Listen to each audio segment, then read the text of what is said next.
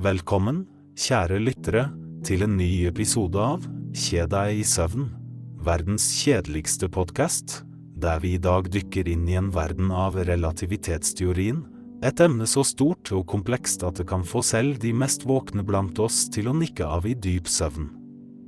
Før vi begynner, må jeg uttrykke min dypeste, mest overdrevne takknemlighet til våre 74 fantastiske abonnenter.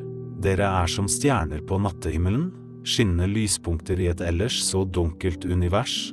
Visste dere forresten at 74 også er antallet tangenter på et standard piano? Hvor fascinerende, ikke sant? Og for å ikke glemme, 74 er det atomiske nummeret til Wolfram, et element så skinnende og tungt, akkurat som deres betydning for denne podkasten. Dessuten, i cricket, en sport som er kjent for sin evne til å vekke lidenskap og, for noen, fremprovosere en god, gammeldags lur, er 74 kjent som The Cursive 74, ettersom spillere ofte blir ut på dette tallet noe som ikke kunne vært mer ulikt dere, våre trofaste lyttere, som alltid er der, stødig som fjell. La oss også ikke glemme at 74 i romertall er elksiv, noe som helt tilfeldigvis ser ut som en blanding av bokstaver og tall, litt som relativitetsteorien selv, ikke sant? Og her er en morsom tanke, hvis vi hadde 74 kyllinger her akkurat nå, ville de klukke i kor? Det får vi aldri vite, men hva vi vet er at 74 er en grunn til å feire, for det er jo ikke hver dag man har et så spesielt antall lyttere. Så, mens vi bærer denne feststemningen med oss, tillat meg å invitere deg til å sende inn dine forslag til fremtidige kjedelige temaer til vår e-postadresse verdenskjedeligstepod 1 gmail.com. Tenk på det, sammen kan vi utforske de mest søvndysende temaene universet har å by på. Og nå, mine kjære venner, La oss forlate denne hyggelige smalltalken og vende vårt fokus mot relativitetsteorien, et emne så innhyllet i mystikk og undring at det kan få selv den mest koffeinavhengige personen til å sukke i trøtthet, akkurat som den følelsen du får når du prøver å huske om du låste ytterdøren eller ikke.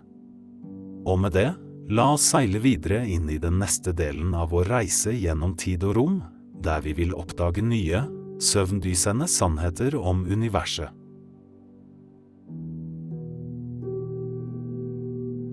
Så møt Mr. Tidsson, en ekspert på tiddilatasjon, som inviterer oss til en teseremoni, en hendelse som i seg selv virker å tøye tidens elastiske natur. Mens han sakte heller det varme vannet over tebladene, begynner han å snakke om hvordan tid ikke er en konstant størrelse, men snarere en variabel som endres med hastighet og gravitasjon. Dette, sier han, er som teblader som danser i vannet, noen synker raskt mens andre tar en langsom vals nedover i tekoppen, en vakker metafor for tidens relativitet. Han stopper et øyeblikk for å fortelle oss om teseremoniens opprinnelse, en praksis som har eksistert i flere tusen år, og hvordan forskjellige kulturer har sine egne unike måter å forberede denne eldgamle drikken på. Visste du for eksempel at i det gamle Kina ble te ansett som en verdifull gave, gitt til keisere og adelen, og at det var en tid da teblader ble presset til kaker, nesten som mynter, hvilket fører oss til en fascinerende avsporing om antikkens valuta. Mr. Tidsson smiler lurt og trekker oss tilbake til vår te- og tiddilatasjon, og forklarer hvordan gravitasjon, som den kraften som trekker tebladene nedover, også påvirker tid, akkurat som den påvirker lysstråler som passerer nær store objekter som stjerner. Han snakker om hvordan tiden kan strekke seg og krympe, nesten som teblader som utvider seg når de absorberer vann, en vidunderlig sammenligning som viser hvordan fysikk kan være poetisk. Mens vi lytter, begynner tebladene å synke til bunnen av koppen, og Mr. Tidsson påpeker at dette er som å observere tidens gang, fra fortid til nåtid og fremtid, og i dette øyeblikket, idet vi nipper til vår te, lever vi i nået, en flyktig tilstand som alltid er i bevegelse, akkurat som universet selv. Og med det tar han en siste slurk av sin te, og vi forstår at selv om denne seremonien er over, fortsetter reisen gjennom tid og rom, og dermed fortsetter også vår podkast, id vi glir sømløst videre til neste del av vår kosmiske reise.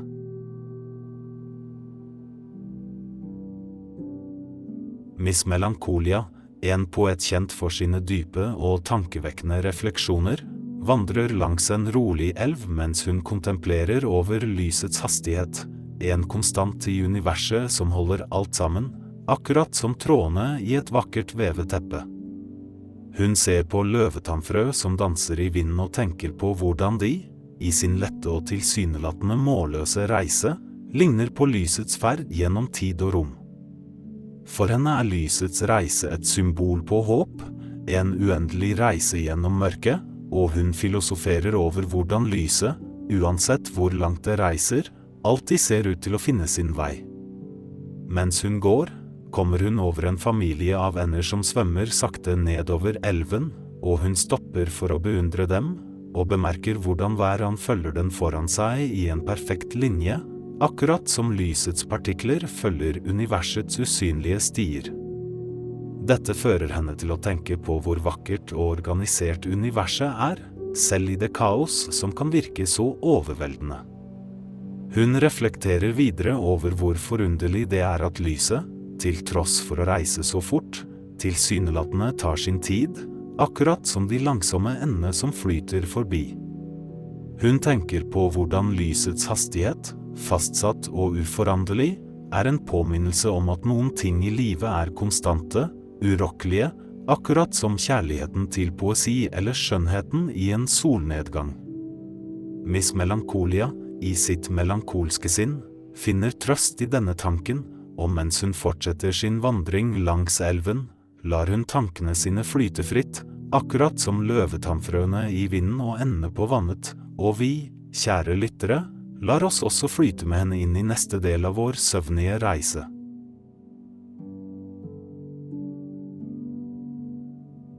I en sjarmerende interiørbutikk står vår ekspert på innredning, som også har en fascinasjon for astronomi, og betrakter en samling luksuriøse gardiner, og han begynner å snakke om hvordan lys og stoff interagerer, en perfekt overgang til emnet gravitasjonslinser.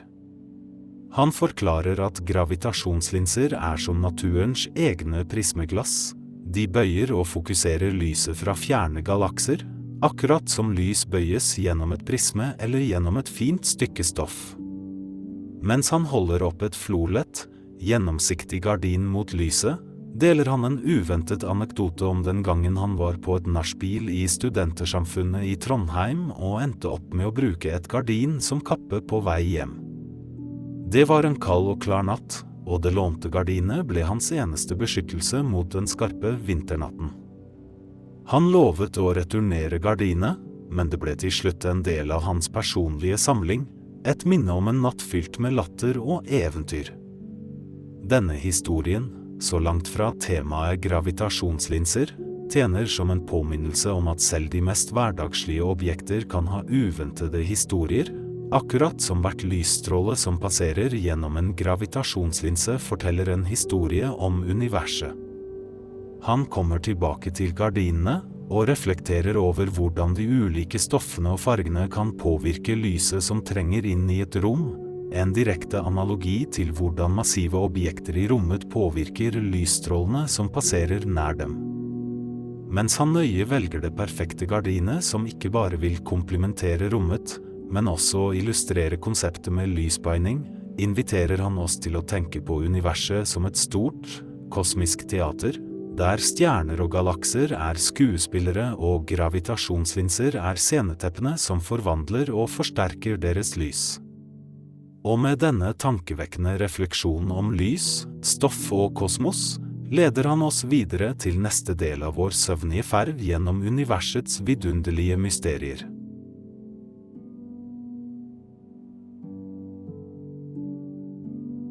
Amundsen, en eventyrer med en brennende interesse for Einsteins teorier, beveger seg forsiktig gjennom den frodige, tette jungelen i Mentavoy. Hans mål er ikke bare å finne en skjult skatt, men også å anvende og forstå relativitetsteorien i dette ville og uberørte miljøet. Mens han navigerer gjennom den tette vegetasjonen, med lianer som svinger som pendler i tid og rom, begynner han å tenke på hvordan jungelen selv kan være et levende eksempel på Einsteins ideer. Han sammenligner tretoppene som strekker seg mot himmelen med lysstråler som reiser gjennom rommet, upåvirket av tiden som går under dem. Han ser på jungelbunnen, mørk og stille, som et eksempel på tiddilatasjon, der tiden synes å bevege seg saktere på grunn av tett vegetasjon og mangel på lys, akkurat som tiden går saktere nær et massivt objekt i universet. På sin vei møter han Aman Paksa, en vis og gåtefull skeimen, som ser ut til å forstå mer om universets mysterier enn han først antar. Aman Paksa, fascinert av Amundsens bruk av vitenskapelige teorier for å forstå jungelen, gir ham ti råd som ikke bare kan hjelpe ham på hans reise, men som også kan være verdifulle for oss lyttere. 1.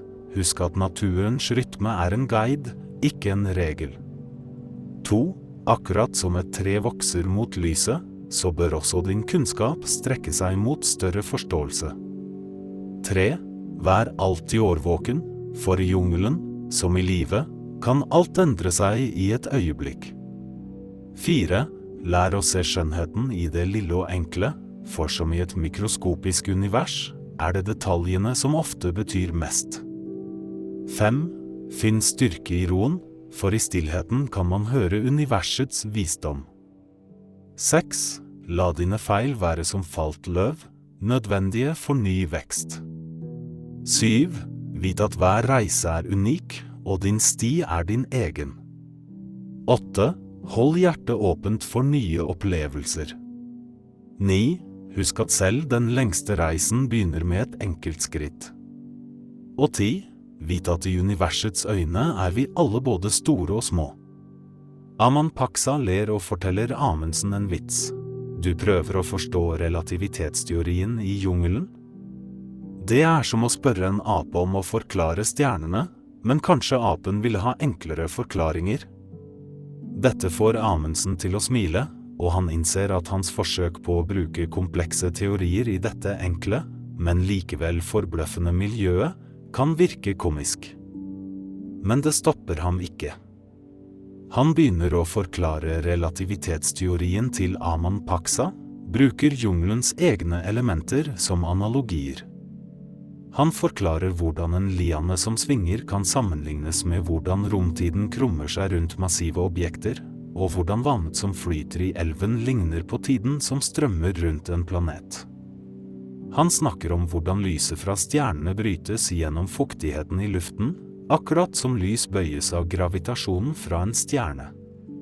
Aman Paksa nikker forståelsesfullt, og sammen deler de et øyeblikk av forbindelse, en bro mellom vitenskap og åndelighet. Og slik, med hjertet og sin fylt av nye innsikter og visdom, fortsetter Amundsen sin reise gjennom jungelen, mer besluttet enn noensinne å finne skatten som venter på ham.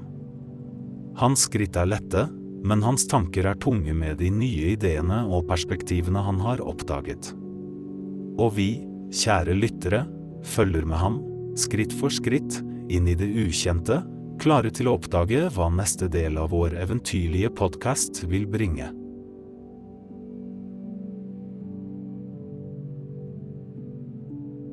I sin stille, støvfylte verksted, omgitt av tikkende klokker og tidsmålere, sitter en gammel klokkeslager, dypt fordypet i reparasjonen av et antiktur, et mesterverk av mekanikk og historie.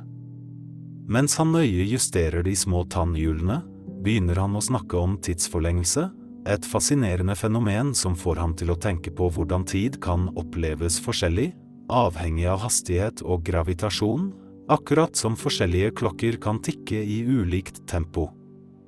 Han forteller historier om berømte klokker han har reparert gjennom årene, hver med sin egen unike fortid og hemmeligheter, som Big Ben i London eller det mystiske astronomiske uret i Praha. Han drømmer seg bort i tanken på tidsreiser, og hvordan det ville være å besøke forskjellige tidsepoker, fra den brusende renessansen til den fredelige Edo-perioden i Japan. Plutselig avbryter han seg selv og begynner å snakke om sin kjærlighet til baking, og hvordan han en gang forsøkte å lage en perfekt soufflé, men feilet da han mistet oversikten over tiden, noe som fikk ham til å innsi viktigheten av nøyaktighet, ikke bare i klokkereparasjoner, men også i baking. Han ler av seg selv og vender tilbake til urverket foran ham, og reflekterer over hvordan tid, akkurat som ingrediensene i en soufflé, må håndteres med presisjon og omsorg.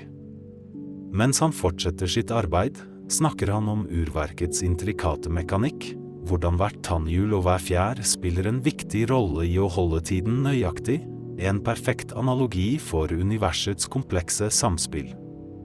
Og mens han avslutter sitt arbeid, forlater han oss med tanker om tidens flyktighet og verdien av hvert øyeblikk, og leder oss stille inn i den neste delen av vår reise gjennom tid, rom og søvn.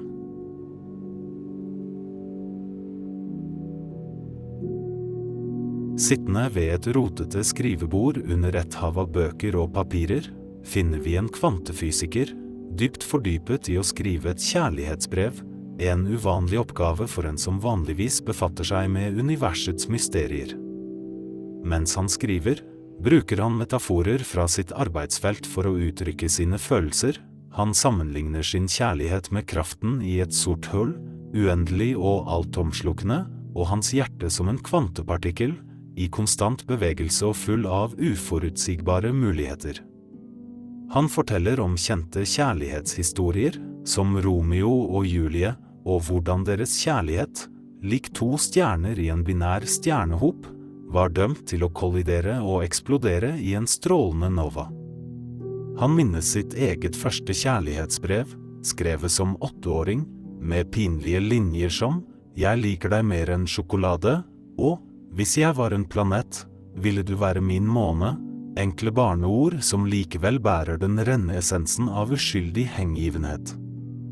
Han ler litt av seg selv, men fortsetter å skrive, denne gangen om hvordan kjærligheten, som relativitetsteorien, er et komplekst samspill mellom hjerte og sjel, tid og rom, følelser som bøyer og former vår virkelighet, akkurat som tyngdekraften former universet.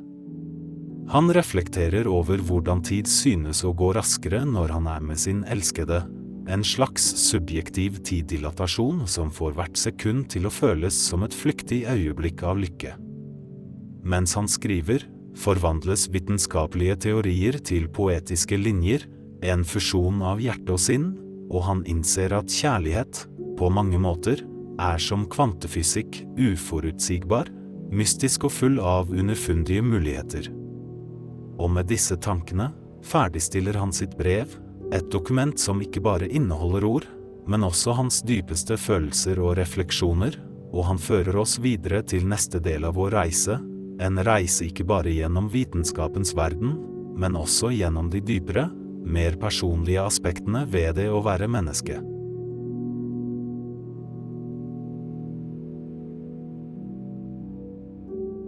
I et koselig bakeri, omgitt av duften av ferskt brød, står en baker kjent som Stjernebakeren, en tittel han har tjent takket være sin unike evne til å forklare astronomi mens han baker. Mens han elter deigen, begynner han å forklare stjerners livssyklus og svartehull på en måte som selv en ungdomsskoleelev ville forstå. Han sammenligner stjernedannelse med prosessen av å lage brød, tenk på universet som et gigantisk bakeri, sier han, hvor skyer av gass og støv kolliderer og komprimeres, akkurat som vi knar og former deigen. Han snakker om hvordan stjerner, som brødet i ovnen, gjennomgår en prosess av varme og energi som får dem til å skinne, og hvordan, til slutt, noen stjerner kollapser under sin egen tyngde for å bli svartehull, omtrent som et brød som faller sammen hvis det hever for lenge. Mens han setter deigen til heving, reflekterer han over universets utforming og brødets rolle i ulike kulturer, hvordan brød, i all sin enkelhet, har vært en grunnstein i menneskets diett, akkurat som stjernene har vært grunnleggende i universets struktur. Han gjør et seriøst forsøk på å forklare relativitetsteorien, tenk på romtiden som deg, forklarer han, når et tungt objekt, som et svart hull, plasseres på den, krummer den seg, akkurat som deigen synker under vekten av en fruktklump. Han forteller videre om hvordan tid og rom er vevd sammen, og hvordan tyngdekraften kan strekke og bøye denne veven, noe som gjør at tid går forskjellig avhengig av hvor du er i universet. Plutselig avbryter han seg selv og begynner å snakke om hvordan han en gang mistet en ring i deigen og bakte den inn i et brød, en uventet skattejakt for den heldige kunden som fant den. Han ler av denne episoden, men kommer raskt tilbake til temaet og understreker hvordan vitenskap og hverdagsliv ofte er sammenvevd på de mest uventede måter. Med et siste blikk på ovnen, der brødene nå steker og blir til gylne, duftende kunstverk, avslutter han sin forklaring og med det leder han oss videre på vår søvnige ferd gjennom vitenskapens og hverdagens magiske verden.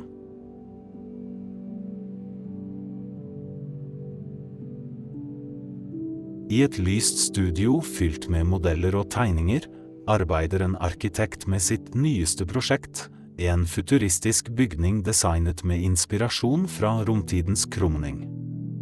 Mens hun forsiktig bøyer linjalen for å illustrere kurvene i designet, begynner hun å forklare hvordan romtiden fungerer. Tenk på dette, sier hun, som romtiden krummer seg rundt et massivt objekt, slik bøyer jeg linjene på papiret for å skape en struktur som utfordrer vår oppfatning av rom og form. Hun trekker paralleller mellom hennes design og berømte byggverk som Eiffeltårnet og Colosseum, og hvordan de, på sin tid, også utfordret de konvensjonelle ideene om arkitektur og rom. Hun forteller om hemmelighetene bak disse strukturene, som hvordan Eiffeltårnet faktisk utvider seg og trekker seg sammen avhengig av temperaturen, en levende demonstrasjon av metirieløs respons på miljøet, som er parallelt med hvordan kosmiske objekter reagerer på tyngdekraftens påvirkning.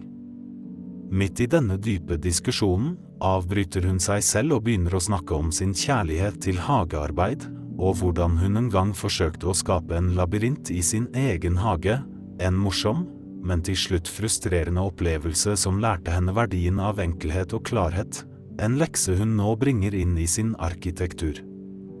Hun ler av minnet og vender tilbake til tegnebrettet, og poengterer at arkitektur, akkurat som universet, er en balanse mellom kaos og orden, mellom kompleksitet og enkelhet. Hun fortsetter å snakke om hvordan fremtidige bygninger kan inspireres av astronomiske konsepter, og skape rom som ikke bare er estetisk tiltalende, men også gir folk en følelse av å være en del av noe større, akkurat som når man ser opp på stjernene om natten. Og med disse tankene om rom, tid og arkitektur, avslutter hun sin forklaring, og leder oss stille videre til neste del av vår podkast, hvor vi vil fortsette å utforske de uendelige koblingene mellom vitenskap, kunst og hverdagsliv.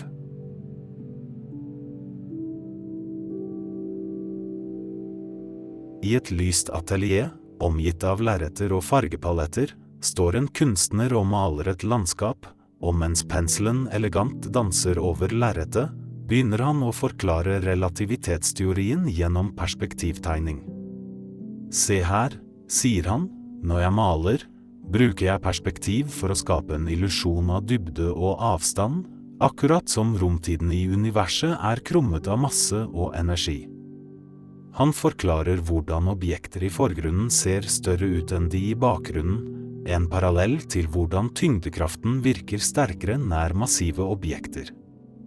Mens han blander farger, snakker han om hvordan hver farge på paletten representerer forskjellige aspekter av lys, og hvordan lysens bølgelengder påvirker hva vi ser, akkurat som forskjellige hastigheter og tyngdekraft påvirker hvordan vi opplever tid og rom.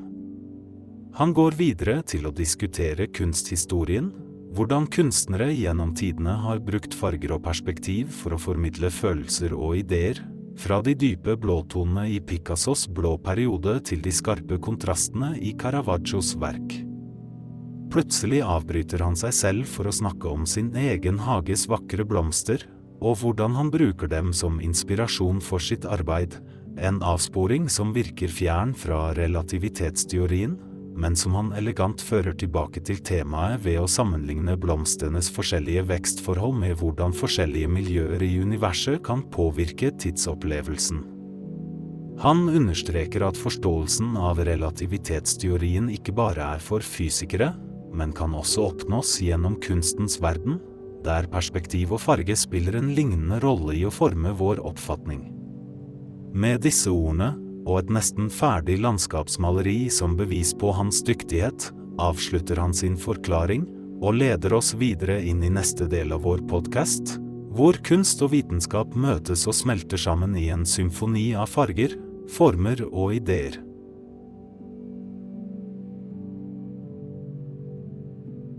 Vandrende langs de svingete stiene i en intrikat labyrint reflekterer en filosof høyt om hvordan relativitet påvirker vår menneskelige oppfatning.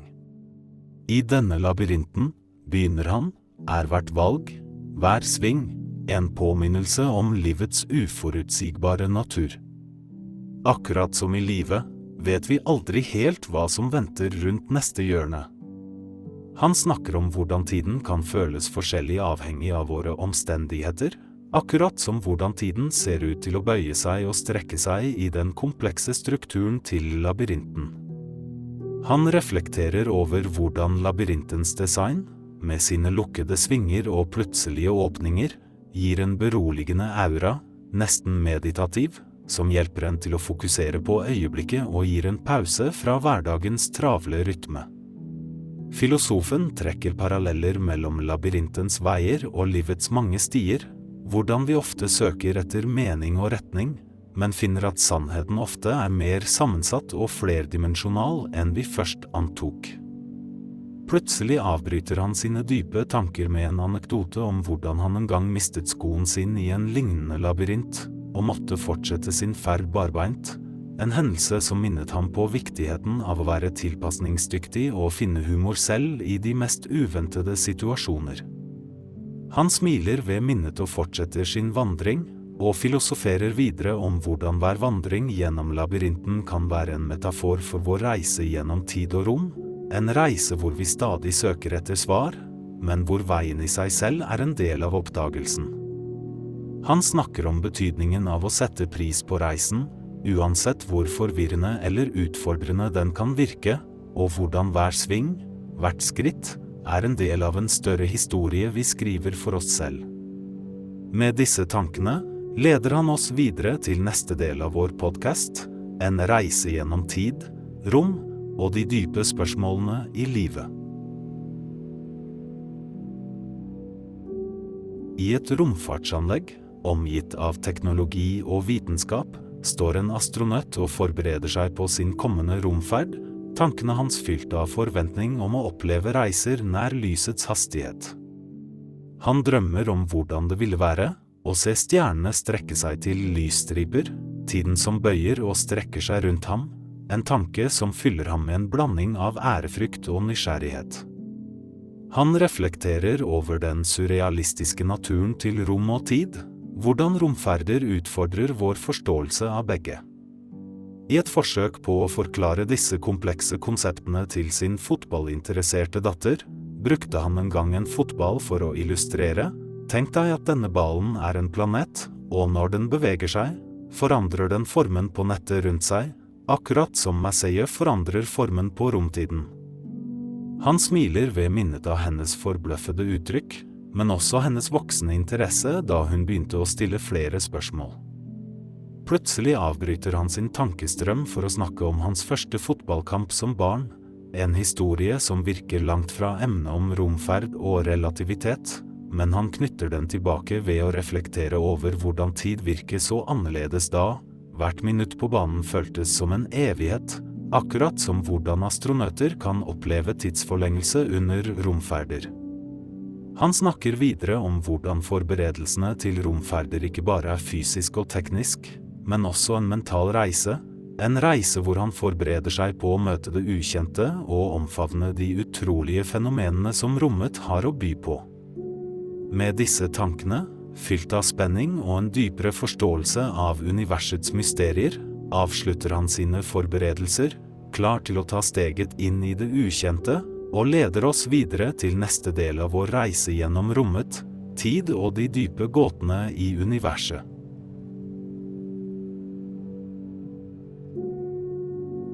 I en stemningsfull jazzklubb, med myk belysning og en atmosfære som osser av musikkhistorie, sitter en jazzmusiker med saksofonen sin, klar til å forklare hvordan relativitetsteorien kan sammenlignes med improvisasjonen i jazzmusikk.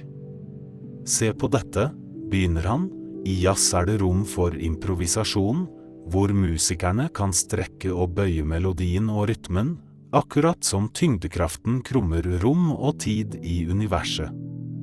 Han forteller om jazzlegendene, som Miles Davis og John Coltrane, og hvordan deres unike stil og eksentriske liv reflekterte deres musikalske improvisasjon, friheten til å utforske nye territorier uten å være bundet av tradisjonelle regler, en parallell til vitenskapsfolk som utforsker de ukjente områdene av fysikkens verden.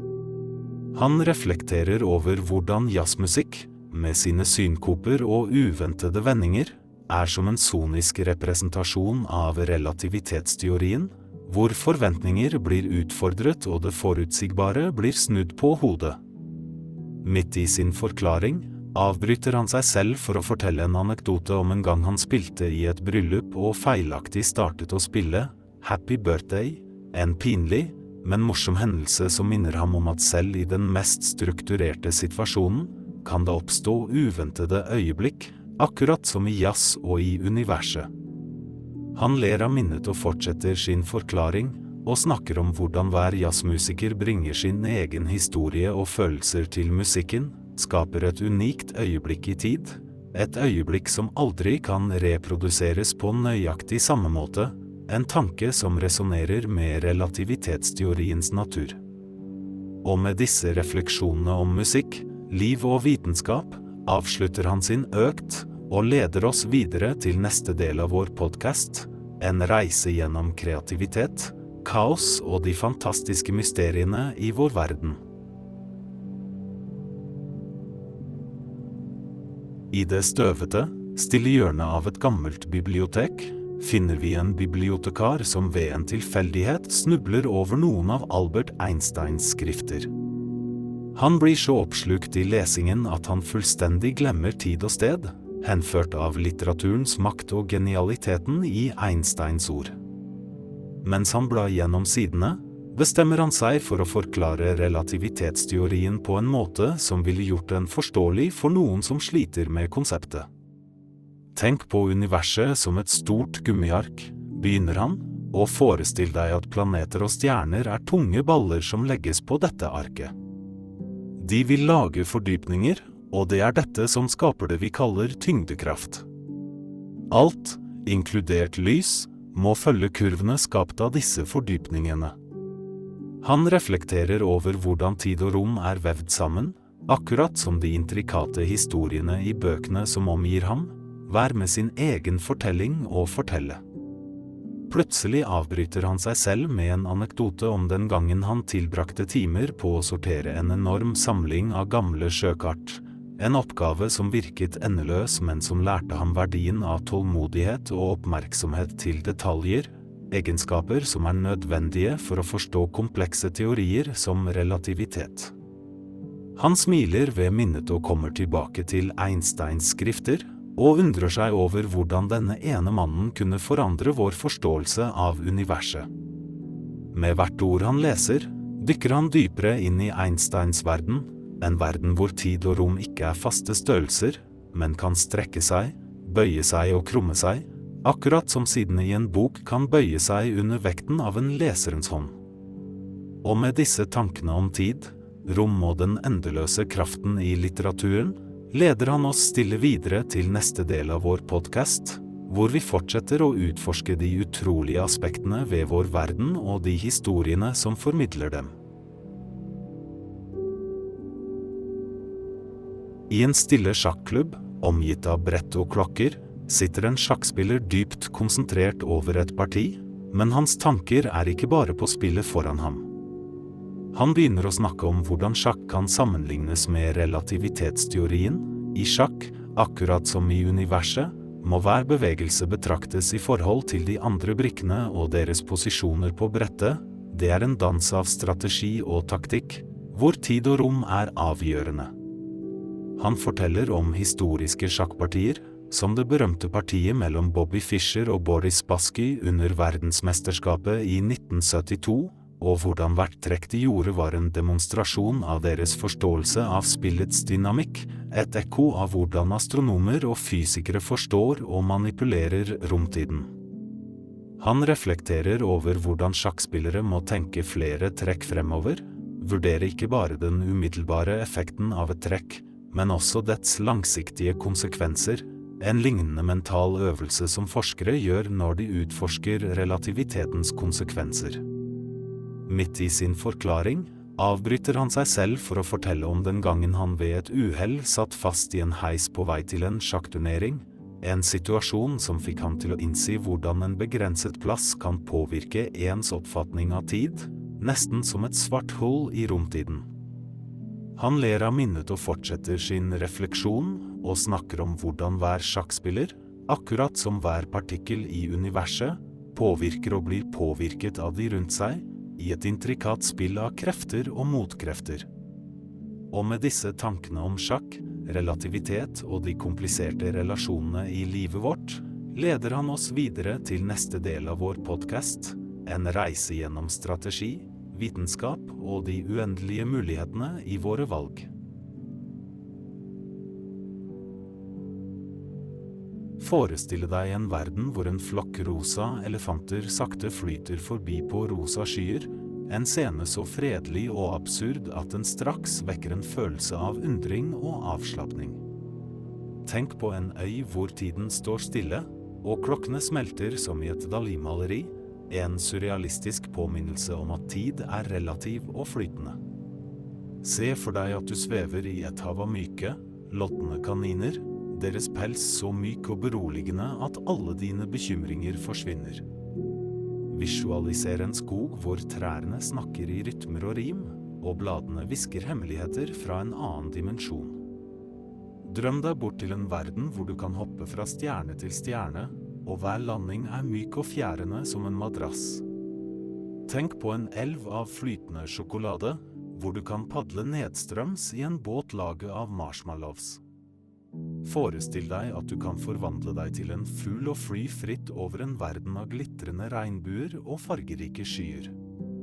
Se for deg et rom hvor vegger, gulv og tak er laget av duftende lavendel, en lukt så beroligende at hvert åndedrag tar deg dypere inn i en følelse av fred.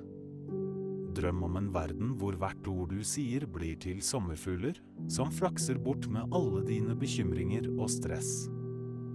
Tenk på et sted hvor havet er så klart og stille at hver dråpe vann virker som en portal til en annen fredelig verden. Og nå, mens du omfavner disse absurde, men beroligende bildene, la oss forsiktig tre inn i en absurd meditasjon for å hjelpe deg med å sove. Visualiser at du er en sky, lett og fri, som driver over et landskap av myke, søvnige drømmer. Hver pust du tar er som en mild bris, som blåser bort alle spor av uro og stress. Med hvert åndedrag, føl deg mer avslappet, mer fredelig, som om du flyter i et univers av ro og harmoni. Og mens du flyter videre i denne drømmeverdenen, ønsker jeg deg en natt fylt med de mest fredelige, absurde og magiske drømmer, en natt hvor selv de mest umulige ting virker mulige, og hvor hver drøm bringer deg dypere inn i en tilstand av fullstendig avslapning og søvn. God natt, og må dine drømmer være like fargerike og fantastiske som universets uendelige mysterier.